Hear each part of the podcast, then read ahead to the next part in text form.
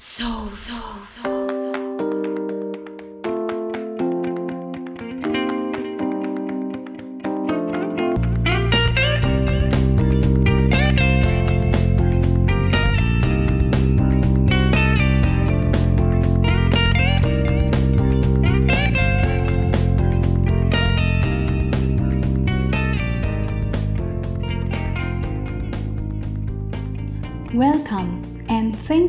For listening to Nana Break.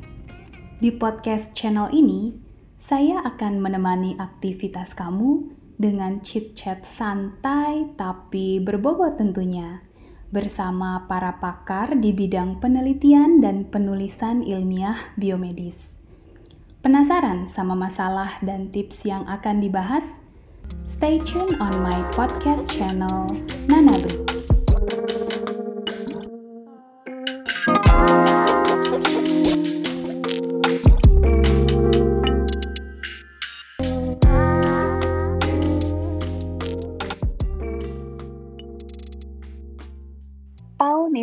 Pernah berkata, "Demi alasan etika, kita memperlambat kemajuan ilmiah. Dunia biomedik seharusnya sudah jauh melaju jika kita menghapus semua peraturan uji klinis terkait penggunaan subjek manusia, seperti yang dilakukan para peneliti Nazi." Pernyataan keras ini menggelitik saya untuk menghadirkan narasumber kita kali ini seorang wanita cerdas dan very passionate, I can say. Sudah satu dekade beliau berkecimpung dalam berbagai uji klinis, mulai dari mengembangkan kapasitas site dan juga SDM, serta berkolaborasi dengan banyak tim peneliti di proyek uji klinis baik bidang kardiovaskular, penyakit menular, dan juga nutrisi tahun 2016, beliau mendapatkan gelar masternya dari University College of London. Saat ini beliau bergabung sebagai CRA di IKVIA Indonesia. Please welcome Valentina Ermita Herdani. Hai Mita. Hai Mbak Ana, thank you for inviting me. Mit, sekarang daily role-nya ngapain aja nih sibuknya? Oke, kalau ditanya de daily role-nya apa, saya sekarang uh, lebih banyak uh, bekerja dengan role sebagai clinical research associate. Mhm. Clinical research associate ini uh, kalau di uji klinis itu yang kesehariannya uh, bertugas memonitor pelaksanaan uji klinik agar um, tujuan uji klinik yaitu keselamatan pasien, uh, kesejahteraan pasien dan uh, safety pasien itu bisa dilindungi dan Mhm. kualitas data tetap bisa reliable ya, bisa uh, punya integritas yang baik gitu. Wow, lumayan banyak ya tanggung jawabnya. Lumayan besar tanggung jawabnya. Lumayan besar, iya. Ternyata di bidang farmasi itu nggak melulu di industri maupun di apotek gitu ya. Ternyata ada peluang berkarir di bidang yang lain dan mungkin belum banyak gitu eh, teman-teman kita yang tahu juga. Mhm. Sejarah singkatnya Mita bisa masuk ke bidang yang unusual ini. Kayaknya kalau di dunia farmasi Indonesia soalnya masih belum common gitu. Itu bisa ya. cerita sedikit nggak? Iya ya, jadi sebenarnya dulu itu uh, ketika saya lulus kuliah, uh, kebetulan saya memang langsung bergabung uh, sebagai clinical research associate juga di suatu perusahaan swasta. Nah, Mhm. uh, di situ saya memang awalnya diperkenalkan oleh teman saya, ditawarkan nih ada pekerjaan di bidang clinical research associate. Saya juga awalnya um, penasaran karena belum tahu ya dan tidak familiar juga, tetapi saya coba dulu aja. Dan akhirnya saya belajar banyak dan ini ternyata hal yang baru dan uh, berbeda lah daripada yang saya pernah pelajari. Saya mungkin bisa bilang tidak banyak um, literatur yang membahas ini atau uh, materi kuliah juga yang membahas ini mungkin sangat terbatas dan 8 tahun terakhir ini memang sangat istilahnya bisa dibilang hmm, naik turun ya tren dari uji klinik, tapi semenjak COVID-19 Mhm. uh, memang ini seperti blessing in disguise in a way untuk uji klinik. Karena dengan kondisi ini ternyata jadi semakin banyak orang yang terbuka akan uji klinik, melihat potensinya dan kemudian memang cukup populer uh, dengan kita melihat banyak sekali uji klinik yang berjalan sekarang. Dan uh, saya bersyukur sih udah bisa belajar banyak di delap, uh, di hampir 10 tahun terakhir Mhm. sehingga saya bisa uh, memberikan yang lebih besar lagi untuk dunia uji klinik ke depannya. Semoga. Wow. Mit, kemarin banget baru tuh aku dapat pertanyaan. Kalau misalnya kita kondak untuk penelitian menggunakan subjek manusia, sekarang kan padahal pandemi nih ya, Mhm. itu banyak dan sebanyak apa gitu challenge-nya. Terus juga bisa nggak sih kita stick on the protokol dengan situasi seperti ini? Sebenarnya uh, saya nggak bisa bilang bisa dan nggak bisa karena hal ini tentunya perlu uh, mempertimbangkan banyak faktor.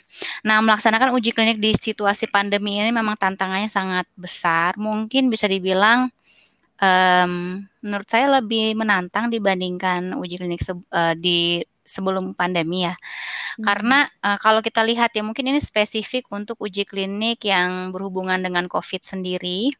Karena memang kita berada dalam situasi darurat medis untuk COVID-19 sehingga uh, uji klinik itu dirasa sangat perlu untuk sesegera mungkin dilaksanakan, sesegera mungkin disetujui komite etik, sesegera mungkin diselesaikan dan sesegera mungkin mendapatkan hasil. Memang di satu sisi hmm, dari pihak regulator dan komite etik mereka juga menyesuaikan diri dengan kondisi pandemi bisa lebih ajak ya sesuai dengan timelinenya. Mungkin kalau dulu mereka timelinenya mungkin terbatas atau bisa dibilang meeting-meetingnya juga mungkin agak jarang, tapi karena uh, pandemi jadi meeting-meetingnya bisa lebih sering sehingga mereka bisa mengeluarkan keputusan-keputusan untuk uh, persetujuan uh, sebuah uji klinik lebih cepat dan itu merupakan kebijakan yang perlu kita apresiasi. Namun di sisi lain mungkin kebijakan-kebijakan itu belum bisa sepenuhnya 100% memenuhi kebutuhan dari obat atau terapi untuk COVID ini ya baik uh, terapi maupun untuk uh, vaksin. Jadi memang tantangannya cukup besar. Hmm. Kalau saya mau ceritakan mungkin sangat banyak ya, dan aspeknya juga sangat banyak. Jadi uh, memang tantangannya cukup besar sih memang. Jadi memang kita berkejaran gitu ya antara penelitian dengan pandeminya sendiri. Iya, betul sekali. Mita, hmm. kalau misalnya kita mendengar istilah uji klinis itu kan yang terbayang, oh ada industri besar yang punya produk, mau di launch harus diuji gitu. Sebenarnya batasan istilah uji klinis itu apakah proyek yang sebesar itu atau gimana sih? Oke, mungkin saya bisa gunakan uh, definisi dari Badan POM saja ya, karena kita lebih familiar dengan Badan POM Indonesia. Itu juga dirujuk uh, Badan POM juga merujuk dari ICHGCP. Jadi uji klinik ini adalah penelitian yang mengikut sertakan subjek manusia. Jadi yang kita perlu highlight adalah mengikut sertakan subjek manusia disertai adanya intervensi produk uji. Nah, jadi ada manusia dan ada produk uji untuk uh, diintervensikan kepada man subjek manusia untuk menemukan dan atau memastikan efek klinik, farmakologik dan atau farmakodinamik lainnya dan atau mengidentifikasi setiap reaksi yang tidak diinginkan dan atau uh, mempelajari absorpsi, distribusi, metabolisme, dan ekskresi dengan tujuan untuk memastikan keamanan dan atau efektivitas produk uji. Jadi hmm. selama kita melaksanakan uh, penelitian dengan suatu produk yang ingin diuji cobakan kepada manusia dengan tujuan-tujuan yang sudah disampaikan sebelumnya, maka itu disebut uji klinik gitu. I see. Berarti ada dua unsur ya, manusia dan produk gitu ya? Iya, betul sekali. Jadi, Jadi tidak yang semua observasional, ujian, uh-uh, yang observasional uh, bisa dibilang bukan uji klinik gitu. Oke, okay, I get it. Tadi kan saya sempat ngebacain pernyataan yang cukup keras dari Paul Nietzsche gitu ya. Ya. Dan kalau dari Mita pribadi gitu, setuju nggak sih sama pernyataan Paul Nietzsche tadi karena banyak banget regulasinya jadi memperlambat kemajuan biomedik kita sebenarnya gitu. Hmm, kalau dari saya pribadi sebagai seorang yang mungkin sudah uh, cukup lama bekerja di bidang uji klinik, saya melihat mungkin uh, pernyataan Paul Nietzsche kurang tepat dan saya mungkin tidak setuju dengan pernyataan tersebut. Kenapa? Karena mungkin saya bisa, bisa cerita sedikit ya, Mbak Ana, terkait hmm. dengan sejarah kenapa sih harus ada aturan-aturan itu gitu ya. Dulu sekali ada yang namanya sulfanilamid disaster. Jadi tahun 1937 hmm Itu tuh sulfanilamid itu dulu digadang-gadang sebagai miracle drugs gitu. Karena mm-hmm. semua di zaman waktu itu mungkin uh, sedang perang dunia ya. Jadi itu digunakan sebagai dalam bentuk bubuk sebagai uh, miracle drugs untuk mencegah infeksi terhadap luka-luka yang dialami oleh para tentara-tentara tersebut gitu ya. Mm-hmm. Nah, karena hal tersebut jadinya uh, farmasi ini ingin membuat produk tersebut di jadi jadi bentuknya jadi kayak ada solvennya gitu, ada pelarutnya. Tapi ternyata produk ini tuh tidak larut sama air dan tidak larut sama alkohol gitu. Hmm. Akhirnya hmm, kemis pada saat itu ya, kan dulu belum ada farmasis ya, kemis pada saat itu e, melarutkan, ternyata berhasil melarutkan ke larutan yang namanya dietilen glikol. Nah, larutan ini uh, rasanya tuh enak gitu. Punya rasa yang nyaman, enak dan warnanya pink. Jadi kan ya buat kita mungkin secara estetis enak dilihat ya. Mm-hmm. Tapi ternyata uh, bukan hanya itu dia juga ternyata merupakan racun yang mematikan gitu. Wow. Tapi tidak ada uji klinik yang dilakukan pada saat itu sebelum marketing ya. Itu tahun 1937. Jadi uh, ya mungkin mereka cuman kayak ngetes pakai apalah yang yang sederhana gitu ya saking sederhananya mereka uh, jual aja produknya dan ternyata setelah produk terjual ada 107 laporan kematian setelah memakan produk tersebut. Hmm. Nah, mungkin bisa saya lanjutkan lagi dengan cerita yang Nuremberg Code ini ini sangat terkenal sih uh, di tahun 1947 ya pada saat itu Dokter-dokternya Nazi ada 23 dan administratornya yang membantu mereka untuk melakukan penelitian ini. Uh, mereka akhirnya di di judge gitu ya untuk kejahatan perang dan kejahatan terhadap kemanusiaan karena mereka melakukan uh, eksperimen pada camp-camp konsentrasi. Jadi mereka menggunakan um, prisoners atau ya ya yang di dalam penjara seperti itu hmm. yang berefek pada meninggalnya subjek penelitiannya mereka gitu bisa meninggal dan juga ada yang permanently affected jadi yang mungkin cacat permanen dan sebagainya dan itu membuat uh, munculnya peraturan pertama yang paling terkenal namanya Nuremberg Code, uh, Nuremberg Code hmm. gitu. The voluntary free consent to participate. Jadi semua orang yang mau ikut atau di tawari untuk ikut serta dalam penelitian itu harus voluntarily consent gitu. Jadi nggak bisa yang kita uh, meminta prisoners untuk ikut serta dalam penelitian kita dan mereka tidak punya pilihan untuk menolak dan bilang tidak gitu. Dipaksa gitu ya. iya. Nah, salah satunya itu. Kemudian tadi udah dua ya. Mm -hmm. Ini hal-hal lain lagi memang sangat banyak hal yang mengerikan di masa lalu yang terjadi karena tidak ada aturan-aturan tersebut, Mbak. Mm-hmm. Setelah itu ada lagi yang namanya thalidomide disaster. Thalidomide mm-hmm. itu mungkin um, Bapak Ibu tahu ya, uh, dulu itu di Jerman tahun 1958 itu thalidomide pertama kali diperkenalkan sebagai antikonvulsif agent. Akhirnya diketahui tidak cocok dengan indikasi tersebut. Uh, kemudian obat tersebut dipakai untuk mengatasi mual dan karena ibu-ibu hamil itu mual, ya nggak mbak? Mm-mm.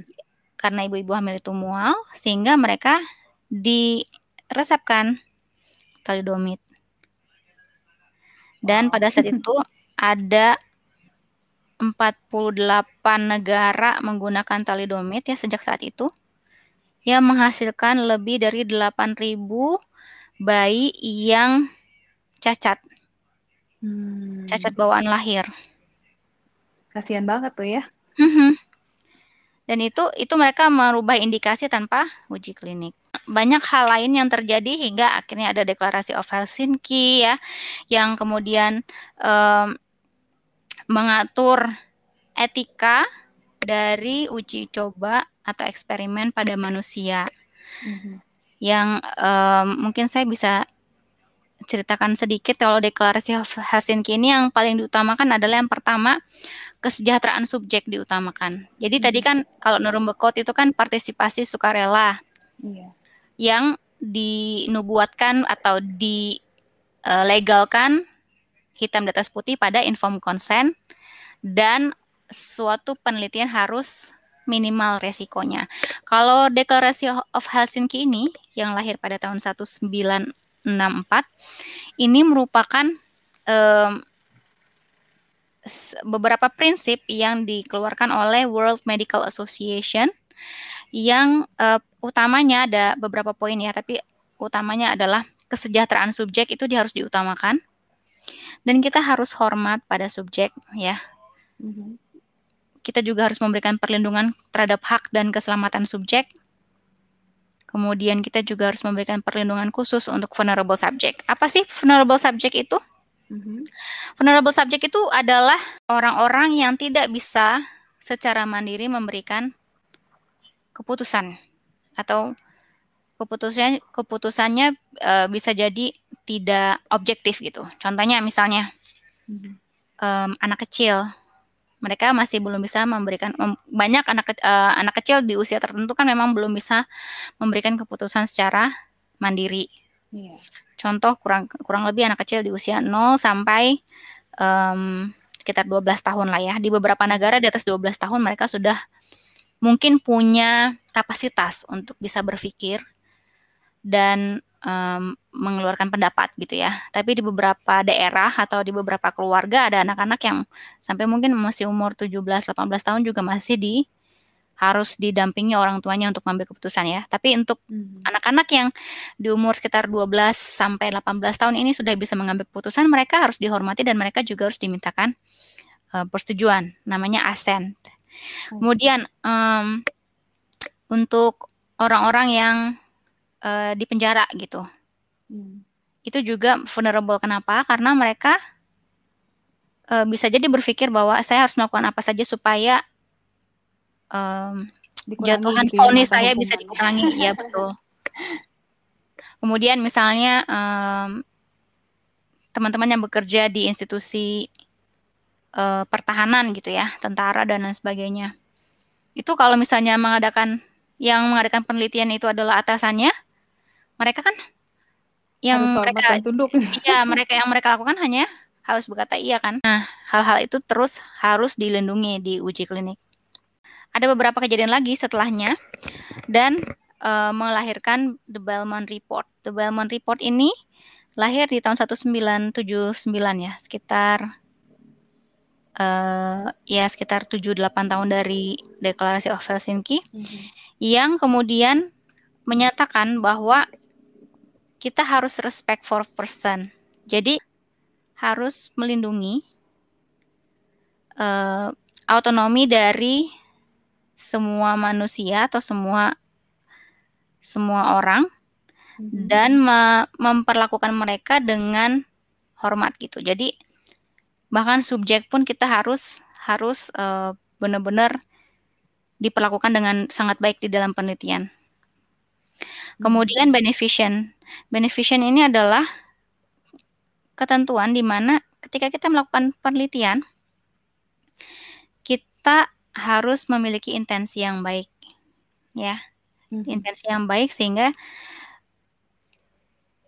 apa pun yang kita lakukan kita harus pertimbangkan benefitnya itu harus melebihi daripada resiko yang akan dihadapi oleh pasien atau calon subjek. Hmm. Kemudian justice, justice itu eh, kita perlu memastikan agar semua prosedur dilakukan dengan uh, penuh keadilan. Artinya misalnya memberikan treatment obat kemudian dibandingkan dengan placebo, semua orang harus memiliki kesempatan yang sama untuk bisa mendapatkan either produk dan either placebo. Mm-hmm. Gitu.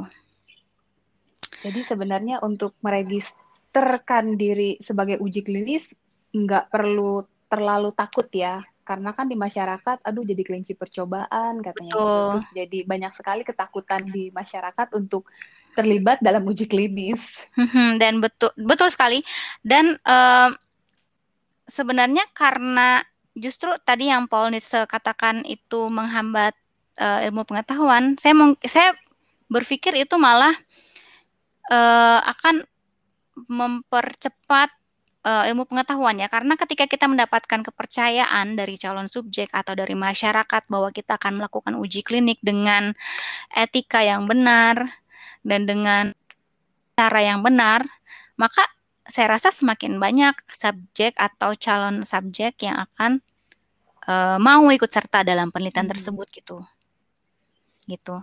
Nah, karena mereka terjamin ya. Karena mereka terjamin ya kesejahteraan, safety-nya juga dan lain sebagainya dan itu itu yang uh, dipikirkan oleh para ilmuwan sehingga mereka akhirnya mengeluarkan satu uh, guideline khusus yang disebut sebagai Good Clinical Practice uh, yang keluar pada tahun 1997 yang kita gunakan sekarang.